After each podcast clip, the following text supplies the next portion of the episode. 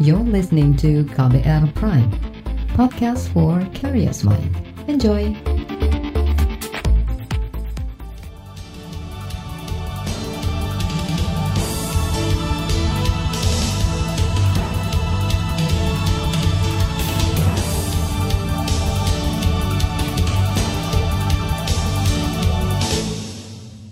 Selamat pagi saudara, kembali KBR menjumpai Anda melalui program Buletin Pagi edisi Jumat 29 Mei 2020 bersama saya, Reski Mesanto.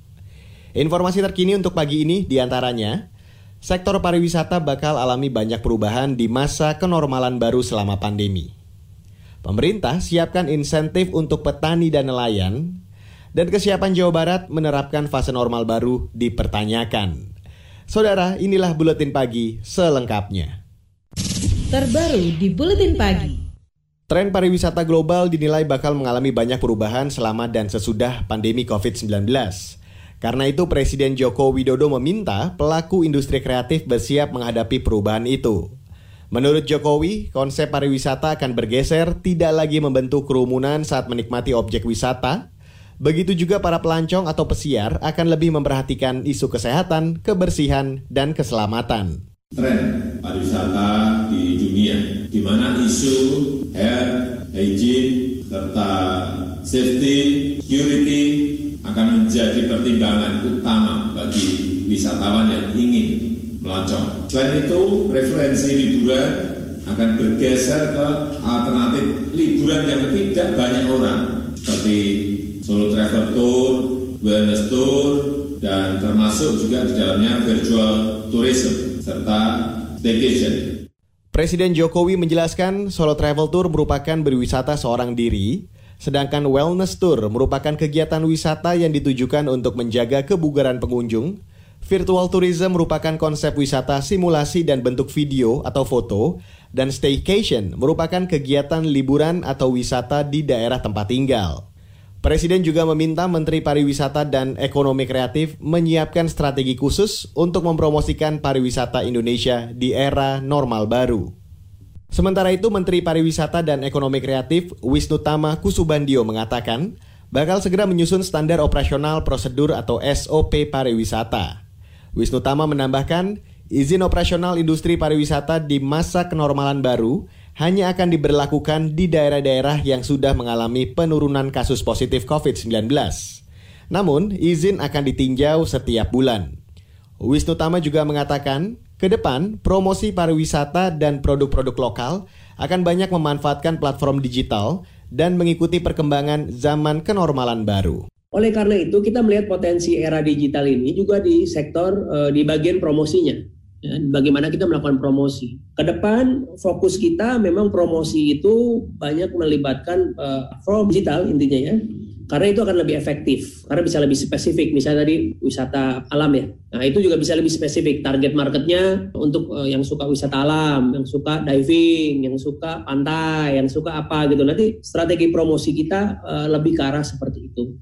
Itu tadi Menteri Pariwisata dan Ekonomi Kreatif Wisnu Tama Kusubandio. Sementara itu, pemerintah Provinsi Riau berencana segera membuka kembali ratusan destinasi wisata yang selama ini ditutup akibat pandemi COVID-19. Gubernur Riau, Syamsuar menyatakan, objek wisata akan dibuka kembali setelah status pembatasan sosial berskala besar atau PSBB di wilayah itu berakhir dan tidak diperpanjang lagi. Saudara, Perhimpunan Hotel dan Restoran Indonesia atau PHRI mulai menyusun standar operasional prosedur atau SOP menghadapi fase new normal atau kenormalan baru secara detail untuk hotel dan restoran.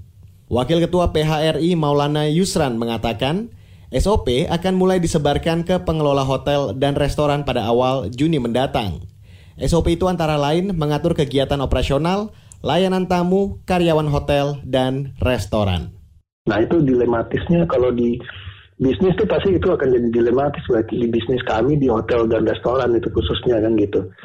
Uh, tapi bagaimanapun ya kita harus ikutin itu kan karena kan di di normal ini bukan berarti aktivitas bisnisnya di dijalankan tapi masalah pandemik ya diselesaikan nggak gitu. Ya kita berharap uh, obatnya segera ditemukan jadi semua aktivitas bisa berjalan sesuai seperti normal lagi kan gitu. Itu tadi Wakil Ketua PHRI Maulana. Sementara itu, Saudara Ketua PHRI Kalimantan Barat Yuliardi Kamal berharap pasca Idul Fitri Pemda mengizinkan hotel dan restoran beroperasi lagi sehingga pengelola mendapat pemasukan dana. Yuliardi mengungkapkan akibat pandemi COVID-19 dan pembatasan pergerakan warga, tidak sedikit anggota PHRI Kalimantan Barat yang menghentikan operasional hotel dan restorannya. Saudara, Komunitas Relawan Pariwisata Indonesia atau GENPI menilai saat ini masih sulit menarik wisatawan berkunjung ke Indonesia meski ada relaksasi pembatasan sosial. GENPI atau Generasi Pesona Indonesia merupakan komunitas yang dibentuk Kementerian Pariwisata dan Ekonomi Kreatif. Wakil Ketua GENPI Siti Hodijah mengatakan, meskipun pariwisata dibuka kembali dengan standar kenormalan baru, tidak mudah membuat orang berminat berwisata kembali karena ketakutan dengan COVID-19 masih menjadi kekhawatiran itu adalah orang masih berpikir tentang nomor satu adalah safety saat ini. Kalau untuk industri pariwisata memang protokol yang diberikan ini sudah cukup cukup memberikan penjelasan. Tapi saya rasa bahwa pertumbuhan pariwisata tidak segampang itu seperti sektor-sektor yang lain. Misalkan sektor perdagangan atau sektor industri karena ini didorong oleh kebutuhan primer. Sedangkan untuk sektor pariwisata ini kan uh, kebutuhan tersier. Wakil Ketua Generasi Pesona Indonesia atau GNP Siti Hodijah menambahkan, dengan SOP pariwisata yang menerapkan fase normal baru, akan banyak hal berubah di sektor pariwisata. Misalnya, kewaspadaan wisatawan untuk mengunjungi suatu tempat ataupun hotel untuk menginap. Begitu juga para turis akan menghindari keramaian di lokasi objek wisata. Siti memperkirakan dalam satu tahun ke depan, orang-orang akan lebih banyak mencermati lebih dulu sebelum pergi berwisata. Sementara itu, saudara komunitas penghobi wisata Ladies Traveler meminta pemerintah mempersiapkan secara matang konsep-konsep pariwisata di era kenormalan baru. Termasuk konsep berwisata solo atau sendirian. Ketua komunitas Ladies Traveler, Liz Dianasari mengatakan, secara teori, wisata solo bagus untuk menghindari kerumunan wisatawan sehingga tidak terinfeksi COVID-19. Tapi pada praktiknya, masih sedikit destinasi wisata yang mengakomodasi konsep berwisata solo kadang sampai ada airport pun yang airport pun yang baru WC-nya nggak nggak jalan. Ah jadi kalau untuk solo travel belum siap banget gitu untuk itu. Jadi uh, pemerintah ya harus mempersiapkan fasilitasnya dengan baik. Misalnya uh, jadwal bis jadwal uh, jalur-jalur perjalanan untuk menuju tempat wisata itu harus disiapkan gitu. Jadi karena kalau soal traveler kan harus tergantung dengan perencanaannya sendiri Ketua Komunitas Ladies Traveler Liz Dianasari juga menilai konsep-konsep baru wisata seperti wisata virtual, wisata kebugaran dan wisata lingkungan dekat menarik bagi para penggila jalan-jalan. Namun, Liz Diana meminta faktor-faktor kemudahan dan layanan pendukung dimaksimalkan, terutama yang melindungi wisatawan dari wabah virus corona. Saudara, pemerintah siapkan empat insentif untuk petani dan nelayan. Informasi selengkapnya usai jeda, tetaplah bersama kami di Buletin Pagi KBR.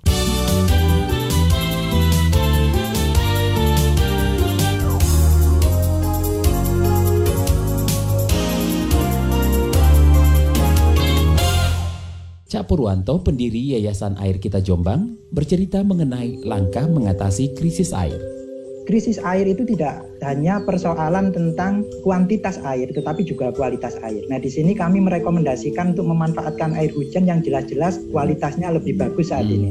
Itu yang pertama. Yang kedua, bisa kita membuat biopori-biopori skala kecil di di rumahan itu kita galakkan seperti itu. Hmm. Ini untuk untuk menang, ini untuk gerakan lambat, tapi ini akan punya pengaruh yang luar biasa ketika kita lakukan bersama.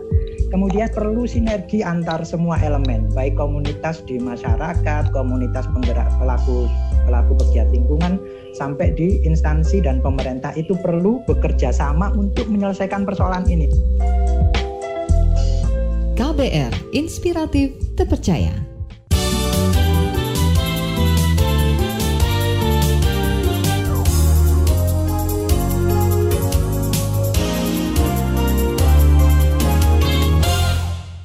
Saudara Presiden Joko Widodo menjanjikan empat insentif bagi petani dan nelayan dalam upaya untuk menjaga ketersediaan bahan pokok di tengah pandemi COVID-19. Insentif yang pertama melalui program Jaring Pengaman Sosial. Pastikan 2,7 petani dan buruh tani miskin dan 1 juta nelayan dan petambak harus masuk dalam program bantuan sosial yang kita adakan. Baik itu berupa PKH, bantuan sosial tunai, BLT desa, paket sembako, dan program gratis subsidi listrik. Presiden memastikan 3 jutaan petani, nelayan, dan buruh tani miskin akan masuk dalam program bantuan sosial berupa program Keluarga Harapan atau PKH, bantuan sosial atau bansos, dan bantuan langsung tunai atau BLT Desa.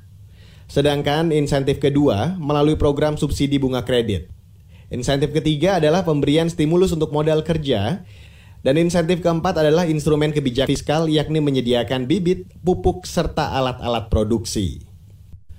Sementara itu, Saudara Menteri Kelautan dan Perikanan Edi Prabowo meminta tambahan anggaran di APBN 2020 untuk digunakan dalam program stimulus penguat nelayan tangkap dan budidaya.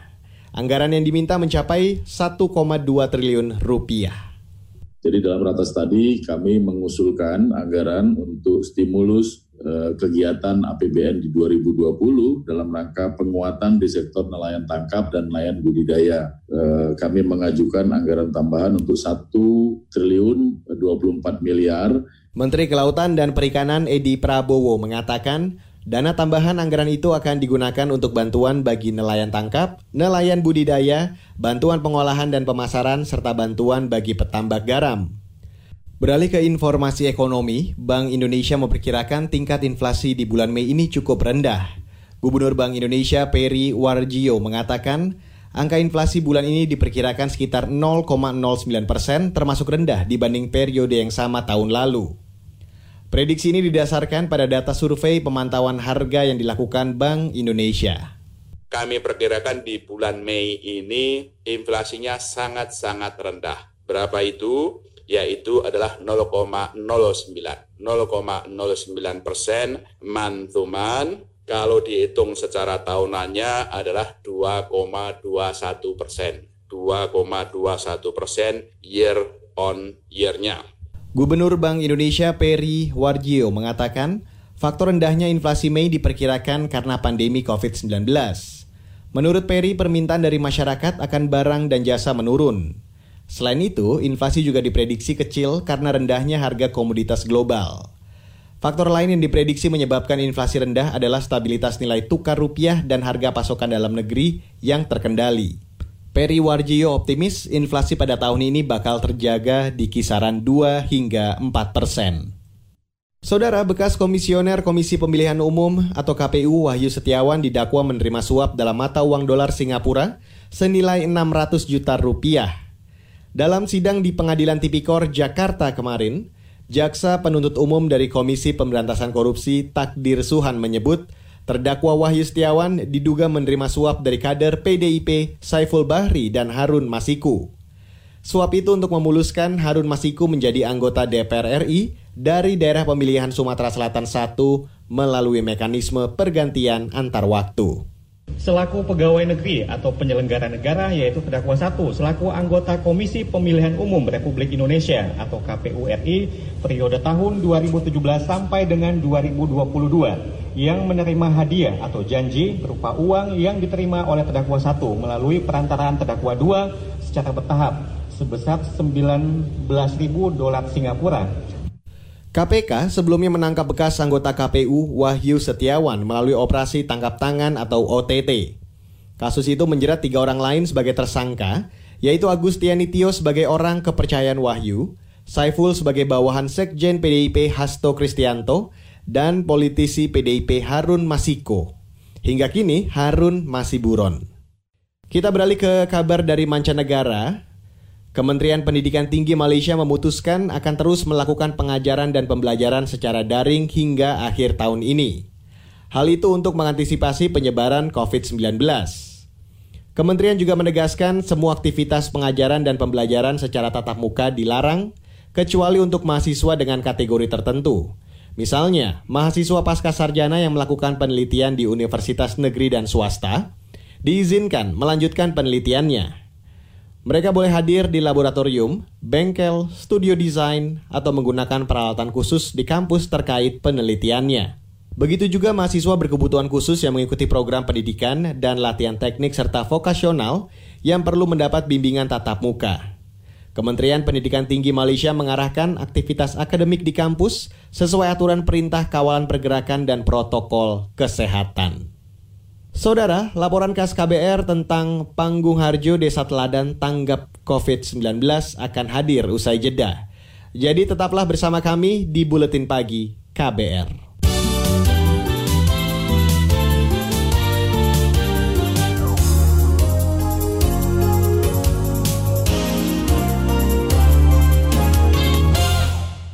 Muhammad Reja, Koordinator Koalisi Rakyat untuk Hak Atas Air atau KRUHA, bercerita mengenai pola cuaca berubah karena perubahan iklim. Polanya itu yang sulit kita prediksi jika hujan intensitasnya bisa luar biasa mm -hmm. itu tapi interval waktunya pendek. Artinya banyak sih kejadian uh, terkait iklim uh, pola hujan itu yang dulu nggak pernah kita alami. Bahkan di satu komplek perumahan ujung satu hujan ujung satunya panas. Sekarang makin sering kita alami seperti itu dan prediksi kemarau itu bencana kekeringan di Indonesia itu sudah lama dari 15 ribuan kejadian bencana di Indonesia 65 persennya itu bencana hidrometeorologi atau yang ter bencana terkait air. KBR Inspiratif Terpercaya.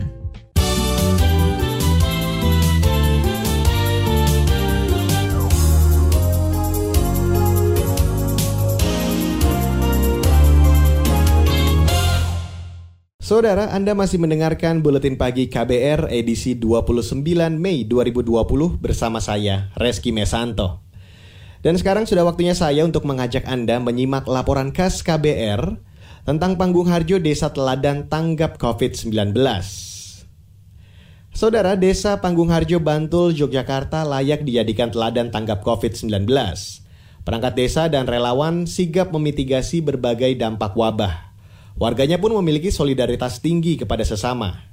Di sana tidak ada cerita tentang stigma dan diskriminasi terhadap pasien corona. Simak laporan tim KBR yang dibacakan Dwi Renjani.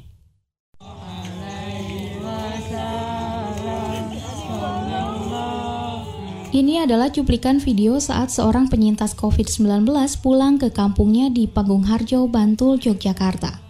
Perempuan berkerudung itu berjalan kaki menuju rumahnya disambut selawatan warga yang berjajar di pinggir jalan. Ia diterima dengan tangan terbuka tanpa stigma dan diskriminasi.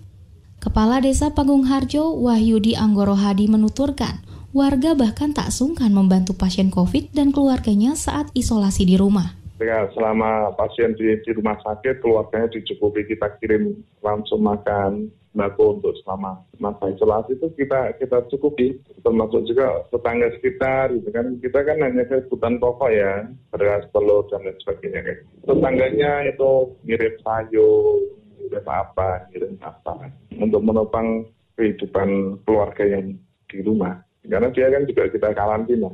Karantina itu area yang bisa digunakan atau menjadi uh, area pribadi mereka adalah rumah dan pekarangan sehingga dia bisa keluar, bisa tetap berinteraksi dengan warga sekitar, tetapi dengan protokol yang ketat, sehingga tidak stres. Di desa itu tercatat ada empat warga yang terjangkit COVID dan sudah dinyatakan sembuh. Tiga di antaranya merupakan satu keluarga. Wahyudi menyebut sempat mengkarantina dua RT ketika salah satu anggota keluarga itu terinfeksi corona.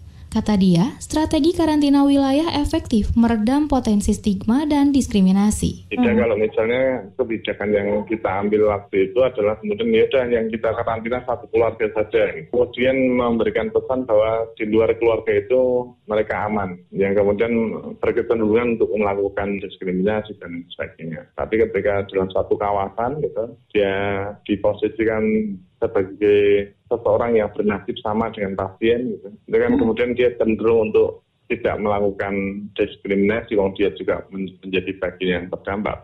Nah, itu penting karena kebetulan yang tiga orang itu nafsani. Dan ini kalau tidak dikelola secara baik, isunya akan bergeser ke mana-mana. Sekitar 200-an keluarga yang ikut diisolasi juga disuplai kebutuhan pangannya. Selama karantina, perangkat desa dan relawan melakukan tes cepat dan usap untuk melacak penyebaran virus. Wahyudi menuturkan, pengelolaan informasi menjadi kunci keberhasilan mencegah berkembangnya stigma. Ya, beberapa hal yang menjadi pertanyaan, jadi itu disampaikan di edukasi secara baik. Informasinya clear, terus kemudian tidak boleh menyebarkan hoax dan sebagainya. Kita sampaikan bahwa ini adalah mediamu loh ya. Tolong manfaatkan media ini untuk menyampaikan segala sesuatu yang kamu hadapi. Jangan untuk menyampaikan informasi yang tidak terkait langsung dengan dirimu secara informasi, secara video dari luar langsung kemudian langsung kita minta untuk dihapus gitu. Panggung Harjo dikenal lewat beragam terobosan untuk memitigasi dampak pandemi. Kondisi kesehatan sekitar 10.000 warga rutin dimonitor setiap hari. Penanganan medis mudah diakses lewat aplikasi WhatsApp dan nomor hotline tanggap COVID. Kemudian untuk yang resiko sedang sama resiko tinggi, kemudian kita berikan nomor kontak. Silahkan hubungi nomor ini, ini, ini jika mengalami gejala suhu badan meningkat lebih dari 38 derajat Celcius, muncul keluhan, sesak, nafas sedang sampai berat, dan sebagainya semacam itu. Nomor itu adalah nomor hotline yang kita memang kita berikan sebagai media komunikasi 24 jam. Di aspek ekonomi, Panggung Harjo bahkan sudah menyalurkan bantuan pangan sebelum ramai bansos. Dari donasi yang dihimpun oleh Satgas. Kita itu Maret, April itu sudah distribusi. Pertengahan Mei itu sudah 4 ribuan paket. Baru kemudian hmm. ini kan ada gelombang gelombang apa berbagai macam skema bantuan sosial kan. Wahyudi berinisiatif mengubah skema penyaluran bantuan langsung tunai atau BLT dana desa menjadi non-tunai. Sebagian besar dana itu hanya bisa dibelanjakan di platform pasardesa.id. Kanal ini berisi deretan bahan baku pokok yang tersedia di warung-warung warga. BLT dana desa itu hanya bisa digunakan untuk pemenuhan kebutuhan dasar yang diperoleh dari warung atau toko apa toko, toko warung atau toko yang ada di yang dimiliki oleh warga desa yang ada di desa Pangas. Uang 600 ribu itu kemudian mengalir tidak ke Indomaret, tidak ke FIS, tidak ke Telkomsel gitu. Tapi uang 600 ribu itu mengalir ke warga desa tempat.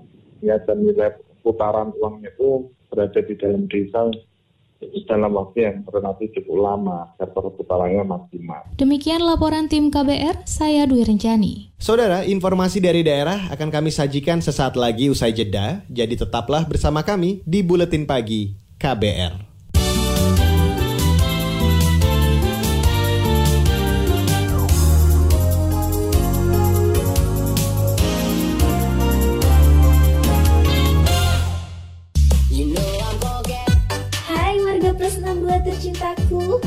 Tahu aja nih kalau KBR, Kata Data, Bisnis Indonesia, SWA bersama firma hukum Hendra Sunardi bekerja sama dengan Food Bank of Indonesia dan Accelerate menginisiasi gerakan Bagi Asa. Ini khusus buat Anda yang pengen berdonasi dalam bentuk makanan sehat, APD, dan sembako atau mungkin cash money? Cus ya, silakan loh. Untuk informasi lebih lanjut silakan cek di media sosial kbr.id.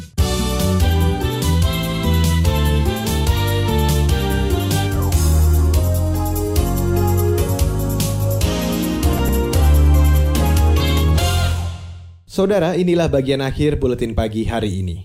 Rencana Provinsi Jawa Barat memperlakukan fase kenormalan baru mendapat kritik dari ahli epidemiologi Universitas Pajajaran Bandung, Panji Fortuna Hadi Sumarto. Panji menilai Jawa Barat belum aman menerapkan fase adaptasi kenormalan baru. Menurut Panji, untuk sistem kesehatan dan kapasitas perawatan pasien, Jawa Barat sudah cukup mumpuni.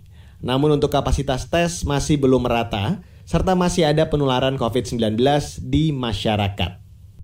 Nah di level Jawa Barat sebenarnya menurut saya belum aman karena angka reproduksinya itu masih di sekitar satu. Kalau di sekitar satu itu berarti kasusnya masih ada segitu-segitu aja gitu ya. Maksud saya begini, nanti harus dilihat di wilayah-wilayah dan ini sudah dilakukan oleh provinsi. Mereka ingin melihat di kabupaten kota itu ada yang sudah level berapa dua begitu ya, yang lebih aman. Nah saya pikir kesiapannya kembali itu harus dilihat di level kabupaten kota. Ahli epidemiologi dari Universitas Pajajaran Bandung, Panji Fortuna Hadi Sumarto, menyarankan agar pemerintah Provinsi Jawa Barat mengkaji kondisi penularan COVID-19 di masing-masing kabupaten kota. Sebab jika mengacu pada level Jawa Barat secara keseluruhan, data epidemiologi tidak cukup informatif untuk dijadikan patokan. Saudara, kita ke Sumatera Barat. Tiga kabupaten kota di Sumatera Barat mengajukan keluar dari penerapan pembatasan sosial berskala besar atau PSBB. Tiga daerah yang keluar dari PSBB provinsi dan akan menerapkan kenormalan baru adalah Bukit Tinggi, Padang Panjang, dan Pesisir Selatan.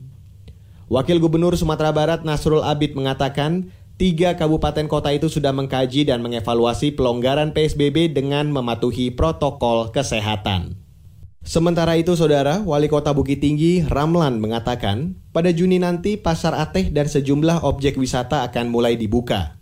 Hal itu untuk memulihkan sektor perekonomian yang terdampak pandemi COVID-19. Sedangkan pada Juli, Pemda Bukit Tinggi mewacanakan pembukaan kembali sekolah dan lembaga pendidikan, termasuk rumah ibadah.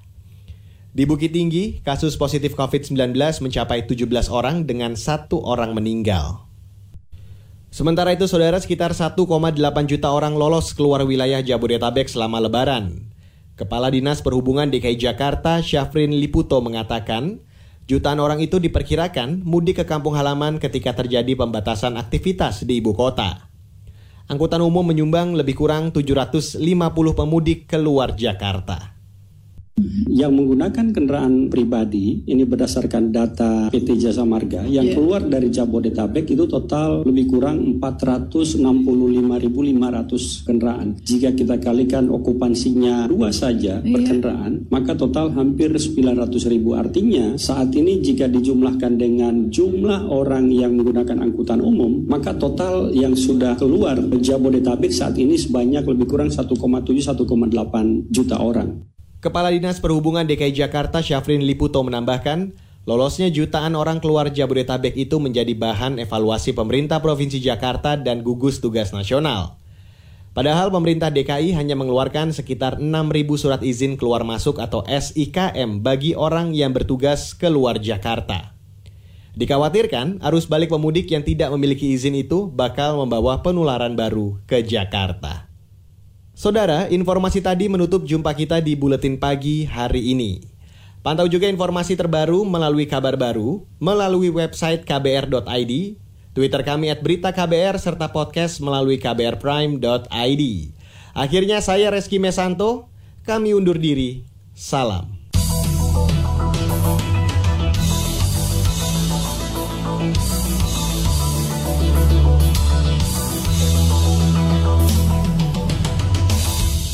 KBR Prime, cara asik mendengar berita. KBR Prime, podcast for curious mind.